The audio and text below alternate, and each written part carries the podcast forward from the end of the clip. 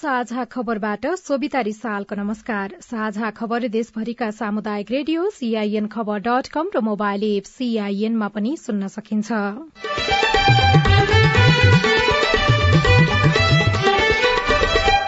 अछाममा बाढ़ी पहिरोमा परि सत्र जनाको मृत्यु छ जना अझै बेपत्ता। खोजी कार्य जारी प्रभावितलाई राहत र उद्धारको काम पनि चल्दै बाटोका कारण उद्धारमा कठिनाई। अलिकति समस्या चाहिँ के छ भने हाम्रो बाटो चाहिँ जताततै अलि अवरुद्ध भएको कारणले चाहिँ ठ्याक्क समयमा चाहिँ उद्धार गर्नलाई अलिकति टोली पुग्नलाई हाम्रो सुरक्षाकर्मी पुग्नलाई चाहिँ अलिक असहज भएको चाहिँ छ।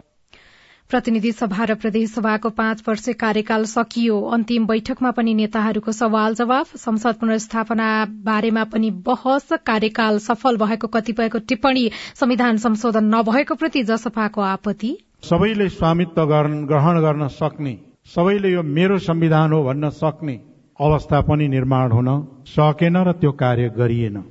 निर्वाचन आयोगमा भोलि समानुपातिक तर्फको उम्मेद्वारको बन्द सूची पेश गरिने उम्मेद्वार छान्न नेकपा यसले छ बुधे मापदण्ड बनायो। सभामुख सापकोटालाई आजै प्रतिवेदन बुझाउने महाभियोग सिफारिश समितिको तयारी। पास गर्नलाई अन्तिम अवस्थामा छ। यो चाहिँ आजै पास गरेर संसदमा अथवा सभामुखमा पेश गर्ने कार्यक्रम छ। र नेपाल र बंगलादेश बीच मैत्रीपूर्ण फुटबल हुँदै।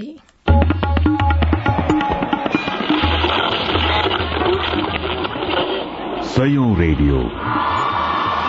हजारौं रेडियो कर्मी र करोड़ौं नेपालीको माझमा यो हो सामुदायिक सूचना नेटवर्क सीआईएन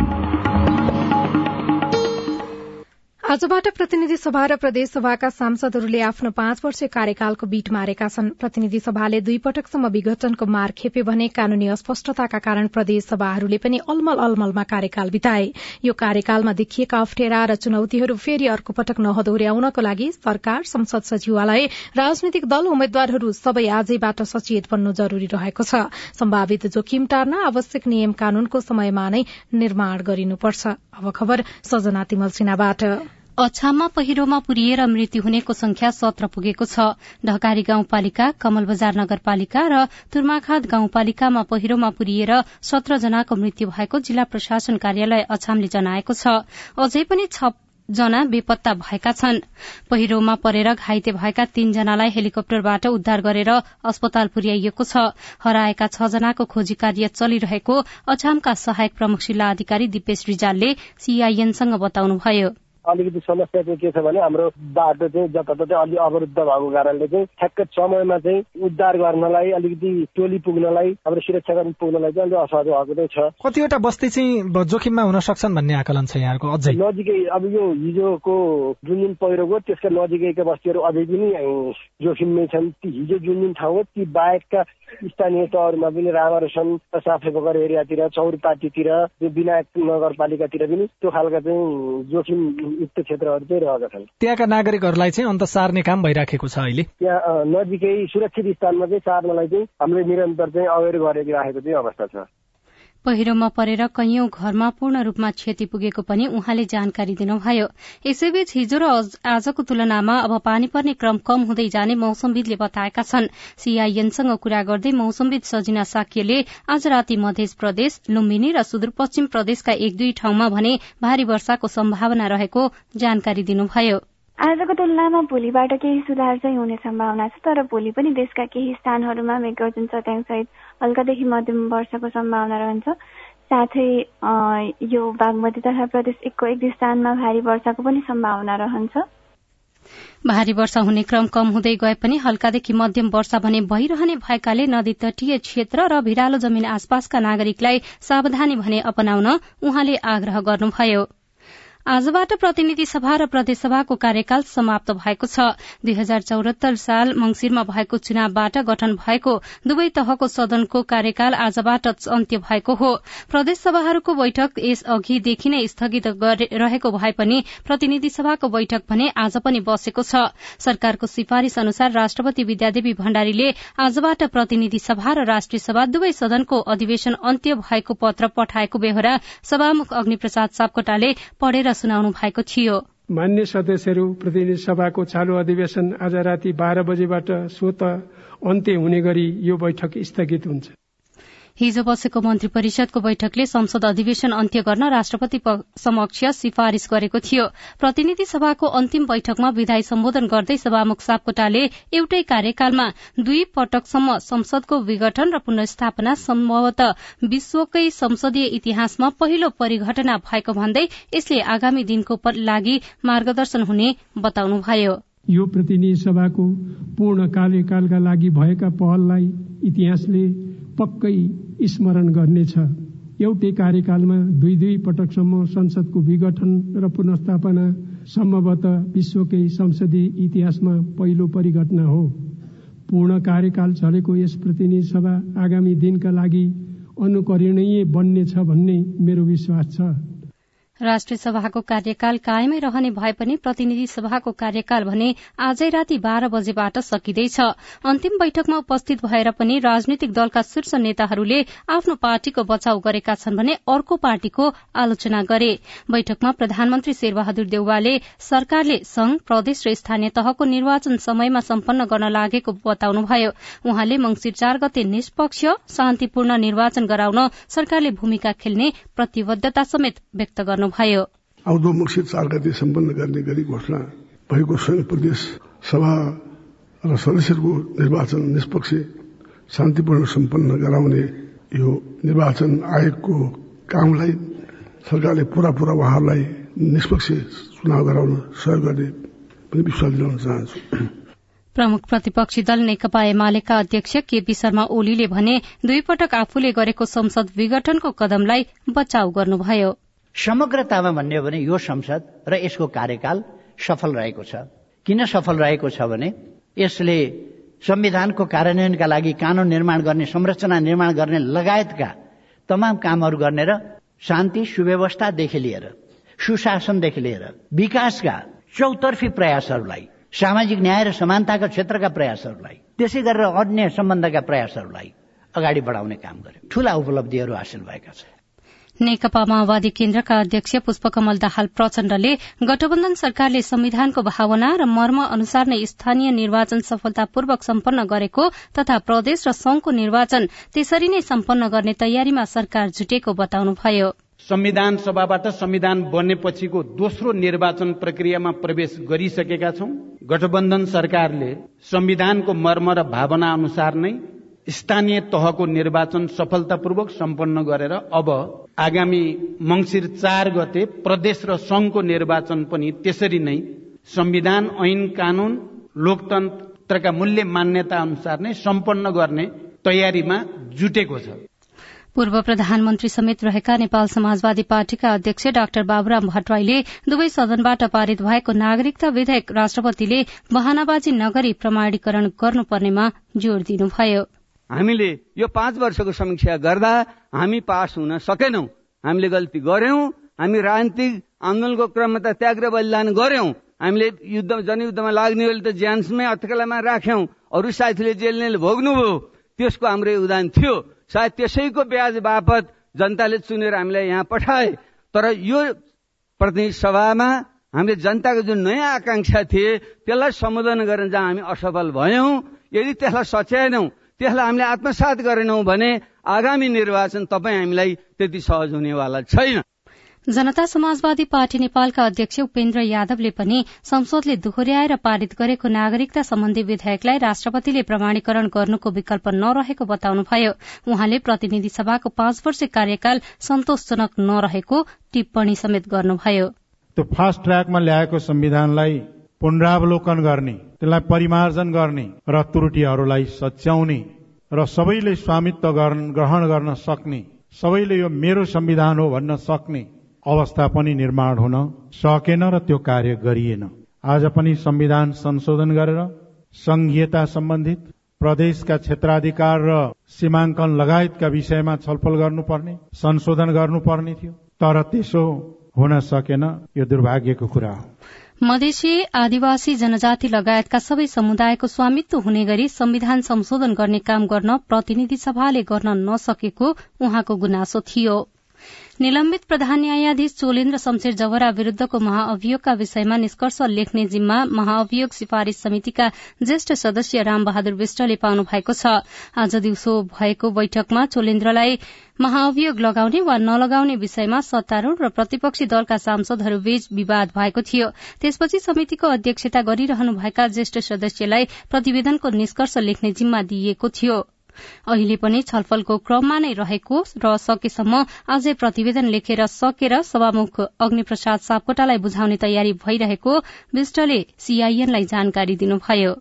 अनि आज बैठक बस्यो होइन दुईचोटि बैठक बसिसक्यो। त्यसकारण पूरक प्रश्न पनि सोध्नु बाँकी थियो। त्यो पूरक पूरक प्रश्न सोध्ने काम सिद्धियो त्यस पछाडि प्रतिवेदनको मस्यौदामाथि छलफल भयो। छलफल भएर त्यो अन्तिम त्यो पास गर्नलाई अन्तिम अवस्थामा छ। यो चाहिँ आजै पास गरेर संसदमा अथवा सभामुखमा पेश गर्ने कार्यक्रम छ। यसअघि समितिमा रहेका एमालेका सांसदहरूले महाअभियोग लगाउन प्रमाण नपुगेको बताएका थिए। अब सभापतिले दिएको निष्कर्षमा सबै सदस्यको चित्त बुझेमा एकमतले पारित गर्ने र चित्त नबुझेमा पुनः छलफल हुनेछ। खबरमा अब एउटा खेल खबर। नेपाल र बंगलादेश बीचको मैत्रीपूर्ण खेल आउँदो एघार गते हुने भएको छ। अखिल नेपाल फुटबल संघ एन्फाका अनुसार घरेलु टोली नेपालसँगको मैत्रीपूर्ण खेलका लागि बंगलादेशको टोली असोज सात गते नेपाल आइपुग्नेछ। मैत्रीपूर्ण खेल त्रिपुरेश्वर स्थित दशरथ रंगशालामा साढे पाँच बजे शुरू हुनेछ।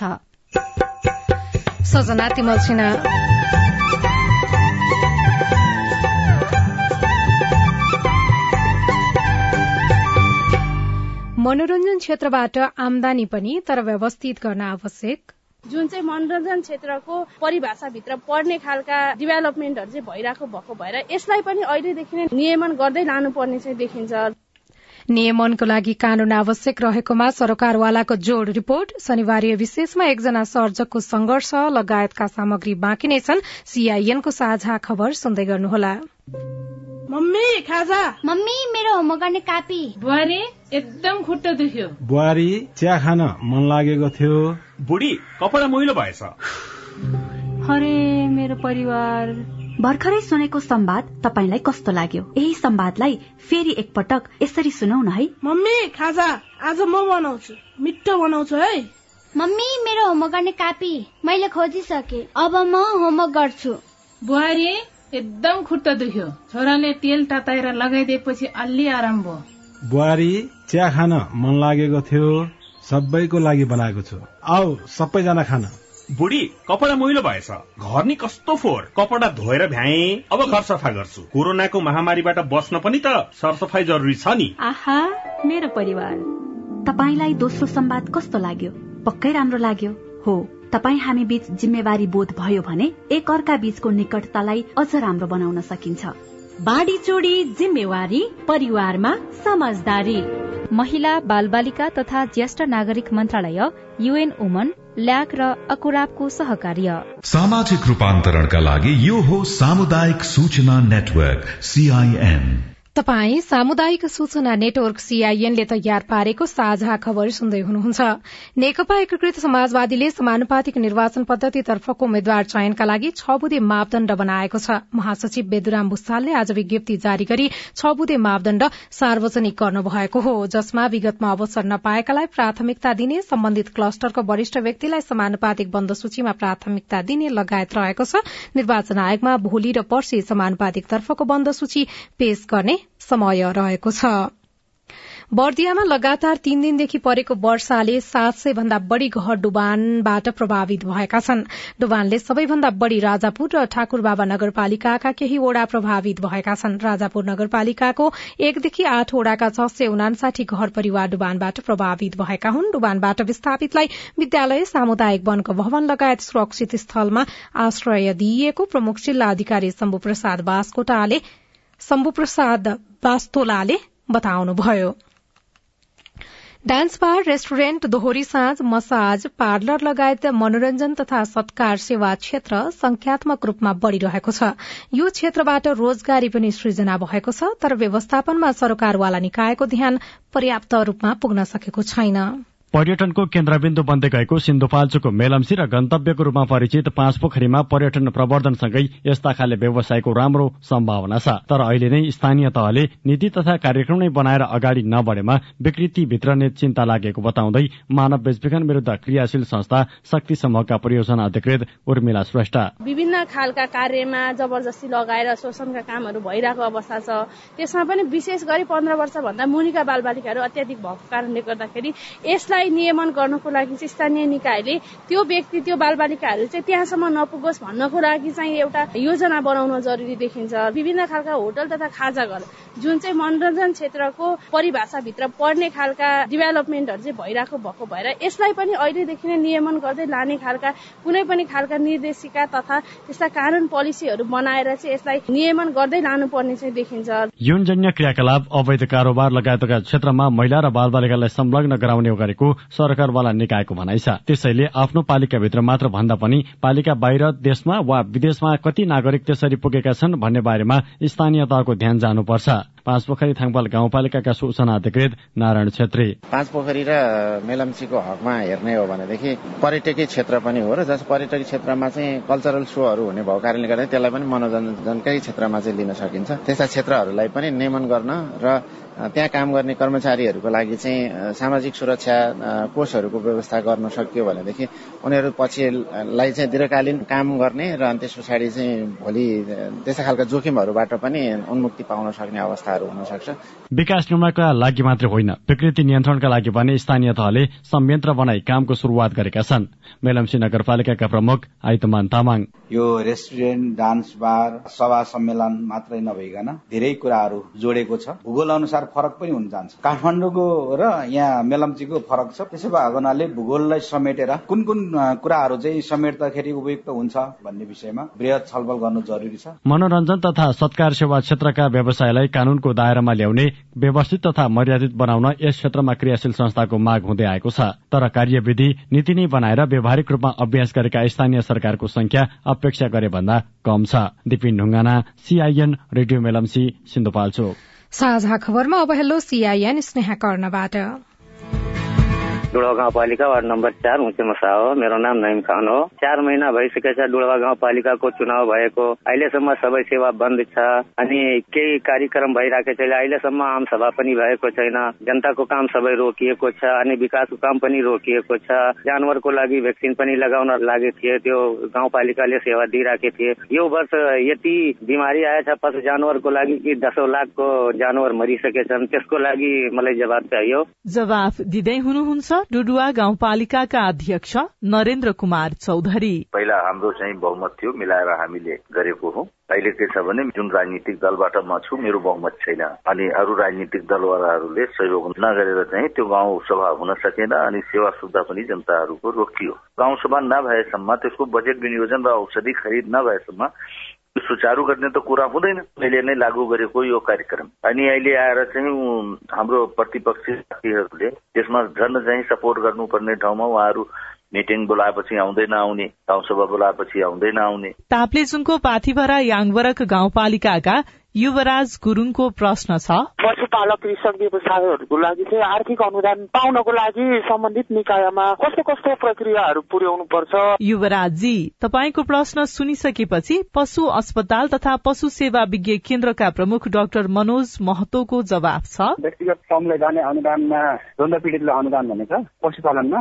अनि त्यस्तै अब युवा लक्षित पशु विकास कार्यक्रम छ। अब यसमा प्रक्रियाको कुरा गर्दाखेरि हामीले सूचनामा प्रष्टै लेखेका हुन्छौँ होइन। कागजातको कुरा गर्दाखेरि नागरिकता चाहियो। त्यो हाम्रो ऐन अनुसार चाहिँ अथवा नियमावली अनुसार एउटा चाहिँ व्यावसायिक परियोजना बनाउनु पर्ने हुन्छ। त्यसमा प्रष्ट उहाँहरूको उद्देश्य के हो होइन? पशुपालन किन गर्नु भएको के को लागि चाहिँ उहाँहरूले अनुदान चाहिएको? त्यो कुरा चाहिँ प्रष्ट पार्नुपर्छ। र त्यो सँगसँगै उहाँहरूले अब व्यक्तिगत फर्म छ भने चाहिँ त्यसको सरकारी निकायमा दर्ता कुन कुन ठाउँमा दर्ता छ त्यसको प्यान नम्बर त हुनै पर्यो होइन। घरेलुमा छ भने घरेलुको चाहियो अथवा स्थानीय तहमा दर्ता गरेको छ भने त्यो स्थानीय तहको दर्ता चाहियो। अनि फर्म सञ्चालन गरेको ठाउँको अथवा कुन ठाउँमा फर्म सञ्चालन गर्न चाहनुहुन्छ त्यो ठाउँको चाहिँ अथवा त्यो जग्गाको चाहिँ लाल पूर्जा चाहियो तिरो तिरोको रसिद चाहियो र अहिलेको ऐन अनुसार चाहिँ विगत तिन वर्षमा चाहिँ अनुदान नलिएको सो घोषणा गर्नुपर्छ। त्यो चाहिँ सो घोषणा आफैले गर्नुपर्छ। तपाईँ जुनसुकै बेला हाम्रो टेलिफोन नम्बर शून्य एक बान्न साठी छ चार छमा फोन गरेर आफ्नो विचार गुनासो प्रश्न तथा प्रतिक्रिया रेकर्ड गर्न सक्नुहुनेछ। तपाई सामुदायिक सूचना नेटवर्क सीआईएनले काठमाण्डुमा तयार पारेको साझा खबर सुन्दै हुनुहुन्छ। साझा खबर मोबाइल एप नेपाली पात्रोबाट पनि सुनिरहनु भएको छ। लोकगीतमा मौलिकता पस्किरहेका एकजना सर्जकको जीवन भोगाए हामी हामी जस्तै देखिनुपर्छ भन्ने लाग्छ मलाई। त्यो भएको हुनाले धेरै मेकअप गर्नुभन्दा पनि हाम्रो सुन्दरतालाई कायम गर्नको लागि अझै बढी मौलिकतालाई ध्यान दिनुपर्छ भन्ने चाहिँ लाग्छ। व्यावसायिकताका नाममा क्षणिक चर्चाको मोह मात्रै हुनु दुःखद। शनिवार विशेष बाँकी नै छ। सीआईएनको साझा खबर सुन्दै गर्नुहोला। बालबालिकालाई लगाउँदै गरेको खोपमा चाहिँ बालबालिकाहरू कहाँ गएर लगाउनु पर्ने र खोप लगाउन जाँदा के के लिएर जानु पर्ने त्यसबारे बताइदिनुहोस् न। मेरो जिज्ञासा के छ भनेपछि हामी विद्यार्थीहरू एकदमै जोखिममा छौँ तर पनि हामीहरूले समयमा खोप उपलब्ध हुन सकेको छैन। कोभिड बारे तपाईँको चासो अब हाम्रो पालोमा। कोभिडसँग जोडिएका थुप्रै बालबालिका तथा युवाहरूका प्रश्न र सरकारवालाको जवाब सहित हरेक आइतबार साँझको साझा खबरमा प्रस्तुत भइरहेको छ हाम्रो पालो। कोभिड पछि घरको बसाई बाल तथा युवा मस्तिष्कमा पर्ने प्रभाव यसले मनोविज्ञानमा पारेको असर कोभिडमा मानव सुरक्षा र कोभिड विरूद्धको खोप लगायत तपाईँलाई लागेको विषयमा हाम्रो आइभीआर नम्बर शून्य एक बान्न साठी छ चार छमा प्रश्न गुनासो तथा प्रतिक्रिया रेकर्ड गराउनुहोला। सरोकारवाला निकायको जवाब सहितको हाम्रो पालो देशभरिका सामुदायिक रेडियोमा प्रसारण भइरहेको छ।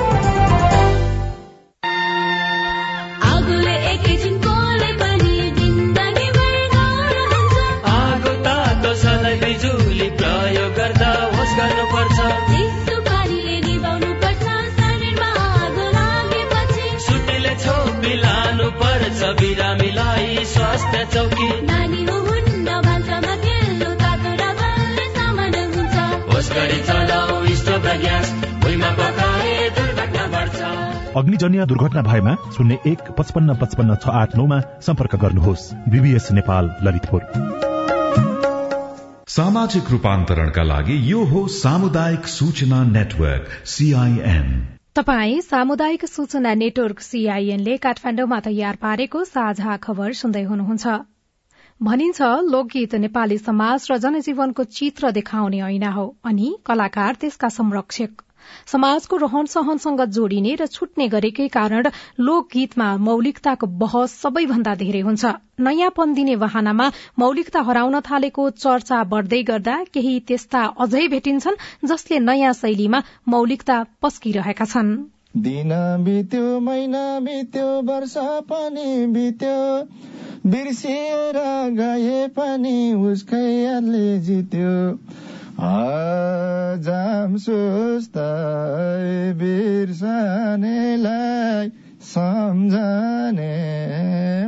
बागलुङको गलकोटमा जन्मिनुभएका गायक वसन्त थापाका हरेक गीतमा धौलागिरी सेरोफेरोको स्वाद भेटिन्छ। दरम खोला किनारका झाम्रे पञ्चेबाजा र घुम्ते पहाड़का सालैजो नै वसन्तको संगीत यात्राका प्रेरक हुन् जुन थापाले गर्ने सिर्जनाहरूमा प्राय छोड्दैनन्। सङ्गीत सुन्दाखेरि मैले पञ्चेबाजाका धुनहरू सुनेको हो सुरुमा गाउँमा। त्यसले मलाई असाध्यै छुन्छ र बढी मैले पञ्चेबाजा पनि गाएँ। र त्यसपछि मलाई जे जे मेरो समाजले दियो त्यही सूचनाको आधारमा अहिले छु। समाजले के दियो? धेरै चिज दियो नि। म जहाँ जन्मे त्यो ठाउँको कल्चर दियो भाषा दियो त्यहाँको लवज दियो त्यहाँका विविधतापूर्ण संस्कृतिहरू दियो। त्यसले गर्दाखेरि म ती सूचनाको हिसाबले म आज म आफूलाई नयाँ तरङ्गमा बहनको लागि सहज भएको छ। गाउँका मेला महोत्सवदेखि विवाह व्रतबन्धसम्म जहाँ गीत बज्थे त्यहाँ बसन्त टुप्लुक्कै पुग्नुहुन्थ्यो। यो झण्डै पन्ध्र वर्ष अघिसम्मको कुरा। रेडियो र क्यासेटमा सुनिने लोकगीतले पनि उहाँलाई अझ बढी ऊर्जा भरिदिन्थ्यो। म अलि लजालु स्वभावको थिएँ त्यतिखेर है। मलाई गाउन एकदमै मन पर्थ्यो तर एकान्तमा। म गाउनको लागि एकदम अन्नकण्ठ खोलातिर जान्थे। त्यो बेलाका गीतहरू चाहिँ कस्ता हुन्थे? कसका गीतहरू बढी सुन्नुहुन्थ्यो? छेत्रीका गीतहरू नारायण रायमाजी पुरुषोत्तम नेउपाने होइन इन्द्रजीसी अझ धेरै त म खडक गर्बुजाको गीतहरू सुन्थेँ। किनभने उहाँको बेस र उहाँको पन चाहिँ असाध्यै मिठो लाग्थ्यो मलाई। बेनी बजार खाली गण्डगी हाँसी खेली सुनारीमा बिताउने बेलामा रोएरै गयो जिन्दगी। गाउँ ठाउँले वसन्तलाई कला र संस्कृतिको ज्ञान दियो अनि उहाँलाई लाग्यो जीवन यही गोरेटोमा हिँडाउनुमा फरक र सबल हुन्छ। तर मनले देखेको बाटोको यात्रा मनैले सोचे जस्तो सजिलो थिएन। समाजलाई त कहिले कन्भिन्स गर्न सकिँदैन। परिवारलाई नि कन्भिन्स गर्न धेरै गाह्रो भयो। तपाईँ गाउँकै कुना कन्दरामा बस्ने एकान्तमा गएर गीत गाउन रुचाउने मान्छे गाउँकै ती मेला महोत्सवमा बसेर गीत गाउन रुचाउने मान्छे अब चाहिँ म व्यावसायिक रूपमा यो क्षेत्रमा लाग्न पर्छ भन्ने खालको धारणा चाहिँ कहिलेदेखि विकास भयो? के कुराले तपाईँलाई त्यतातिर तान्यो? मैले बिर्सिनै नहुने नाम विष्णु खत्री। उहाँबाट मैले धेरै कुरा सिकेको छु। अरू धेरैजनाले प्रेरणा दिनुहुन्थ्यो र उहाँले पनि मलाई गीत गाउन सकिन्छ है भनेर प्रेरणा दिनुभयो र उहाँलाई हेरेर सिकेँ म गीत गाउन पनि। पहिला पहिला मैले गीत त्यत्तिकै दिन्थेँ साथीहरूलाई गाउनुहुन्थ्यो होइन? तर पछि पछि तपाईँ आफै गायक हो भन्नुभयो धेरैले। कति गीतहरू त्यसरी लेखेर दियो होला याद छ? धेरै छ। ती गीतहरू चले पनि बजारमा? बजारमा सुपर हिट छन्। मलाई सीमित पञ्चे बाजाको गीत गाउन मन पर्थ्यो। मलाई मनपर्ने गीतहरू गाएँ। तपाईँले आफूले लय भरेको आफैले शब्द लेखेको र आफूले स्वर भरेको पहिलो गीत चाहिँ निलो फेवा ताल। अहिले सुनौ। लाउ त माया छ भने साँचो छैन भने मलाई नि के खाँचो निलो फेवा ताल। फेवा ताल माछो माछो भ्यागुतो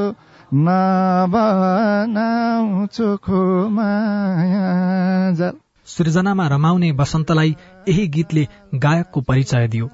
त्यस यता दुई सय भन्दा बढ़ी गीतमा स्वर दिइसक्नुभयो।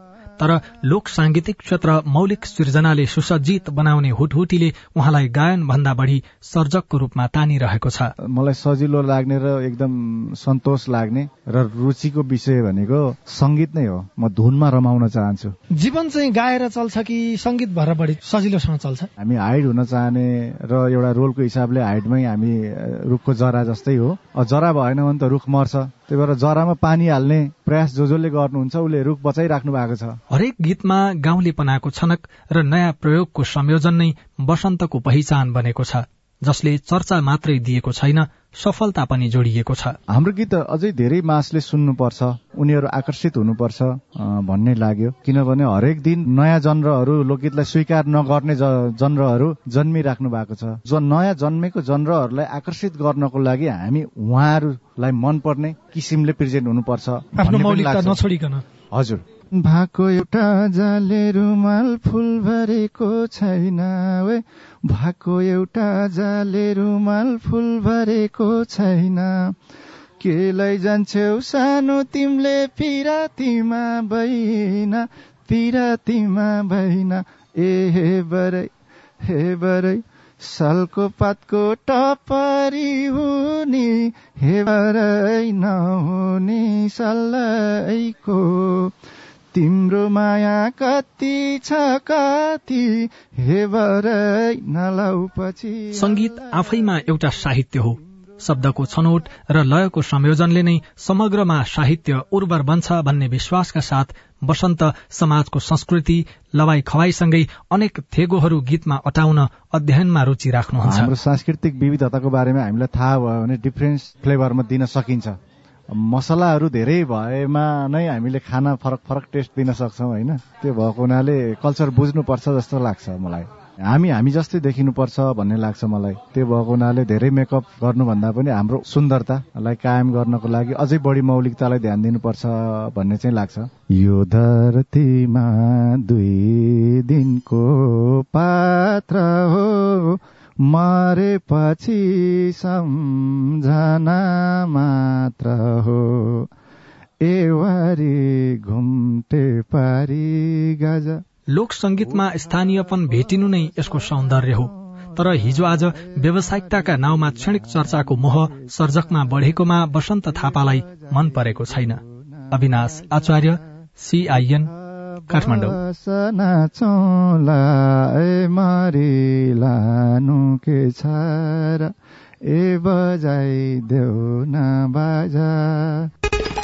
अछाममा बाढ़ी र पहिरोमा परि सत्र जनाको मृत्यु भएको छ। छ जना अझै बेपत्ता छन्। उनीहरूको खोजी कार्य जारी रहेको प्रहरीले जनाएको छ। प्रभावितलाई राहत र उद्धारको काम पनि चल्दैछ। प्रतिनिधि सभा र प्रदेशसभाको पाँच वर्ष कार्यकाल सकियो। अन्तिम बैठकमा पनि नेताहरूको सवाल जवाफ चल्यो। संसद विघटन बारेमा पनि बैठकमा बहस भएको छ। कार्यकाल सफल भएको कतिपयले टिप्पणी गरे भने संविधान संशोधन नभएको प्रति जसपाले भने गुनासो गरेको छ। र निर्वाचन आयोगमा भोलि समानुपातिक तर्फको उम्मेद्वारको बन्द सूची पेश गरिँदैछ। सभामुख सापकोटालाई आजै प्रतिवेदन बुझाउने महाभियोग सिफारिश समितिले तयारी गरेको छ। आजलाई साझा खबरको समय सकियो। प्राविधिक साथी सुरेन्द्र सिंहलाई धन्यवाद। भोलि असोज दुई गते बिहान छ बजेको साझा खबरमा फेरि भेटौँला। अहिलेलाई सोभितारी साल पनि विदा हुन्छु। नमस्कार शुभरात्री।